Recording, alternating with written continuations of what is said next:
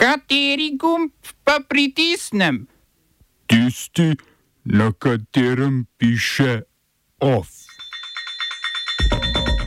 Nekdani perujski predsednik Fuhimori po odločitvi ustavnega sodišča na prostost.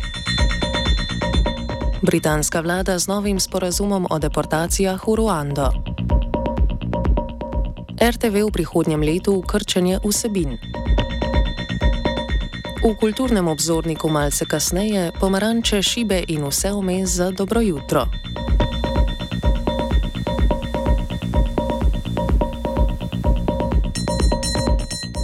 Izraelska vojska je s tanki prodrla proti središču mesta Han Yunis v južnem delu okupirane Gaze.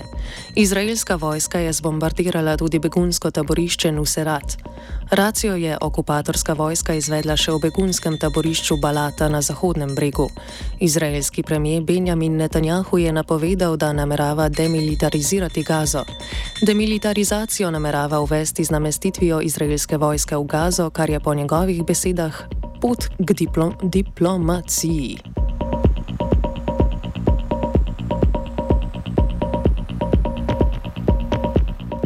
Predstavniški dom ameriškega kongresa je na pobudo republikancev medtem sprejel resolucijo, ki nasprotovanje sionizmu enači z antisemitizmom.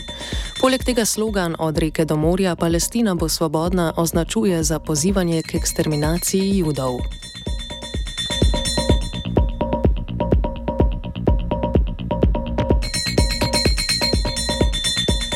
Ameriški sindikat SAG-AFTRA je sklenil kolektivno pogodbo z Zvezo filmskih in televizijskih producentov, potem ko je dogovor potrdilo 78 odstotkov članstva sindikata. Dogovor bo prek 160 tisoč članom sindikata zagotovil više plače, okrog 11 odstotkov za statiste in okrog 7 odstotkov za ostale. Poleg tega vključuje tudi dodatke od prihodkov z pretučnih platform ter varovanje delavcev pred uporabo umetne inteligence. Sindikat igravcev je štiri mesece mesečno stavko sicer končal že v začetku novembra. Stavko so začeli sredi julija, potem ko je potekla prejšnja pogodba sindikata s holivudskimi producenti.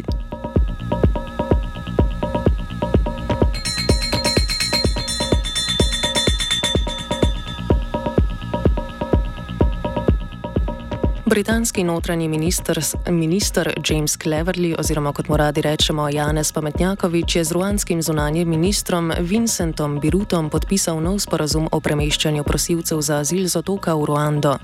V sporazum sta tokrat, kakor trdijo v britanski vladi, vključila upoštevanje mednarodnega prava, čež da bo morala Ruanda upoštevati pravilo nevračanja. To državi prepoveduje vračanje ljudi v nevarne države. Ministra sta napovedala, da bo Združeno kraljestvo z Ruando ustanovilo skupno sodišče, ki bo preverjalo upoštevanje pravila.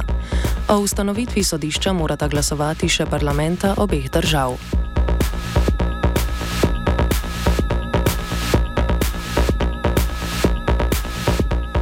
To ni prvi načrt britanske vlade za eksternalizacijo azila v Ruando. Podoben sporazum je osnovala že torijska vlada Borisa Johnsona. Britansko vrhovno sodišče je novembra načrt opredelilo za nelegalen, predvsem zaradi možnosti, da bi Ruanda ljudi premestila na nevarna območja. Vsi torici, med katerimi sta poslanca Matt Varmen in Damian Green, pa se vendarle ne strinjajo z nadaljnim načrtom deportacij v Ruando. Nekdanja notranja ministrica Suela Braverman in premijer Rishi Sunak sta večkrat predlagala izstop iz Evropskega sodišča za človekove pravice in odstop od zakona o človekovih pravicah iz leta 1998. Na ta način bi britanska vlada lahko kršila človekove pravice prosilcev za azil, ne da bi odgovarjala zunanjim instancam.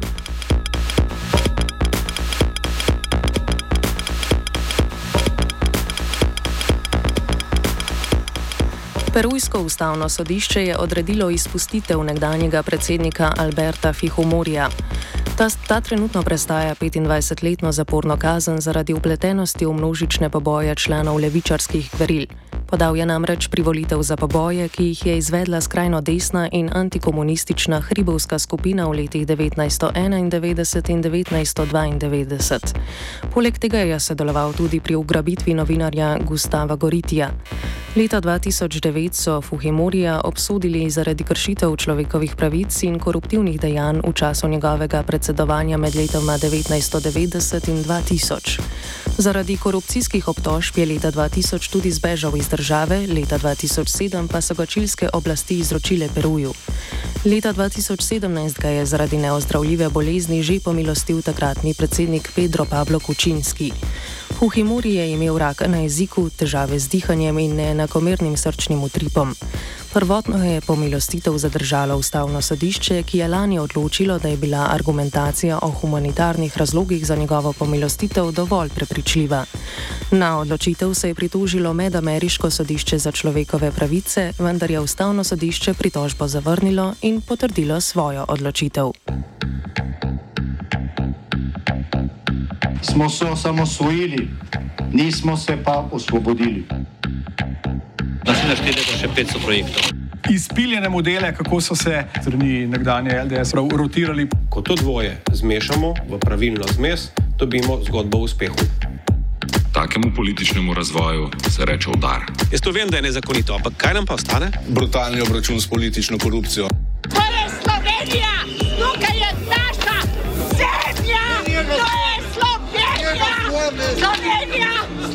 Slovenija. Parlamentarni odbor za kulturo se je seznanil s finančnim poslovanjem Radio Televizije Slovenija. Iz ukinjanja produkcijskih enot, s katerimi so strašili v svetu RTV, zaenkrat ne bo nič, saj je vlada RTV-ju letos obljubila 5 milijonov, naslednje leto pa 10 milijonov evrov. Je pa uprava RTV-ja pripravila nov programsko-produkcijski načrt za prihodnje leto. Načrt predvideva občutno krčanje programske vsebine zaradi pomankanja financiranja. Zgolj za ohranjanje trenutne scheme bi potrebovali 23 milijonov evrov več kot letos.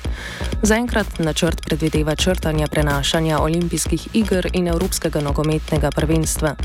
Na televiziji bo tudi manj dokumentarcev, filmov, oddaj in serij. Prenosov nedeljskega bogoslužja bo v naslednjem letu 12 na mesto 52. Programski načrt tudi ne predvideva vrnitve oddaj Studio City. Na Radio Ars načrtujejo krčanje literarnega programa na 350 oddaj letno. Radio Gaga bo na radijskem sporedu vsaka dva tedna.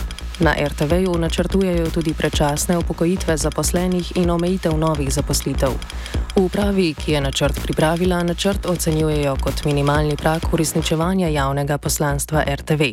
Predsednik sveta RTV Goran Forbici je na seji odbora za kulturo potrdil, da ukinitve programskih enot ne bo.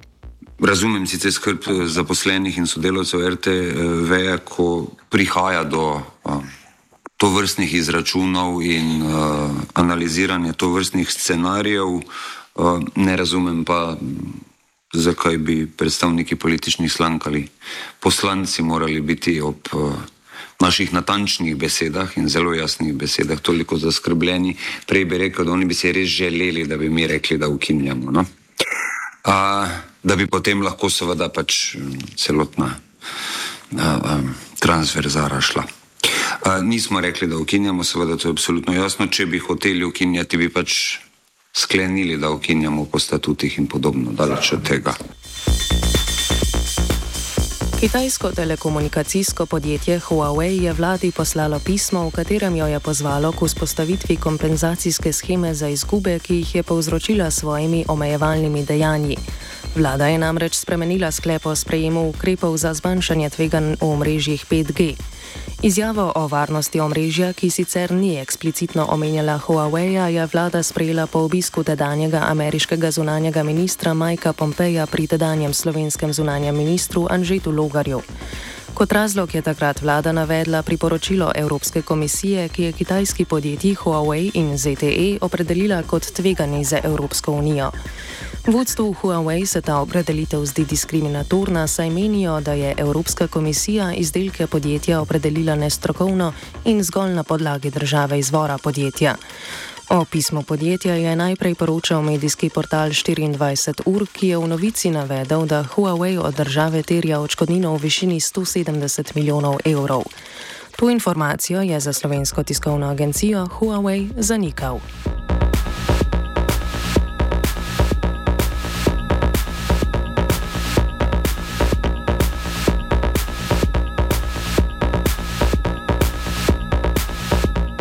Generalna direktorica direktorata za okolje na okoljskem ministrstvu Tanja Boltej je naznanila zamik odvoza nevarnega mulja z Koroške v Avstrijo. Odvoz bi morali začeti že minuli ponedeljek, a ga je ministrstvo prestavilo na današnji dan. Toda Boltej je dejala, da odvoz zamikajo na prihodnji ponedeljek. Razlog za dodaten zamik začetka odvoza so neurejene dovozne poti. Za pol milijona vreden odvoz je ministrstvo na razpisu izbralo podjetje Slovenija Zauber, Zaubermacher, ki je zadolženo za odvoz 1700 ton mulja. Celoten čas odvoza mulja bo predvidoma trajal en mesec.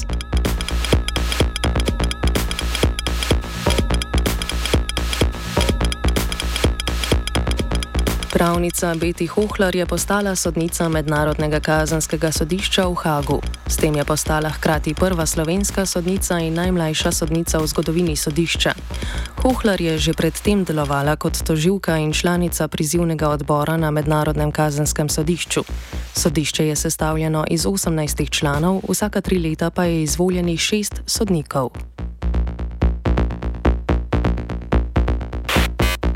OF je pripravil vajenec rok, pomagala je Neva.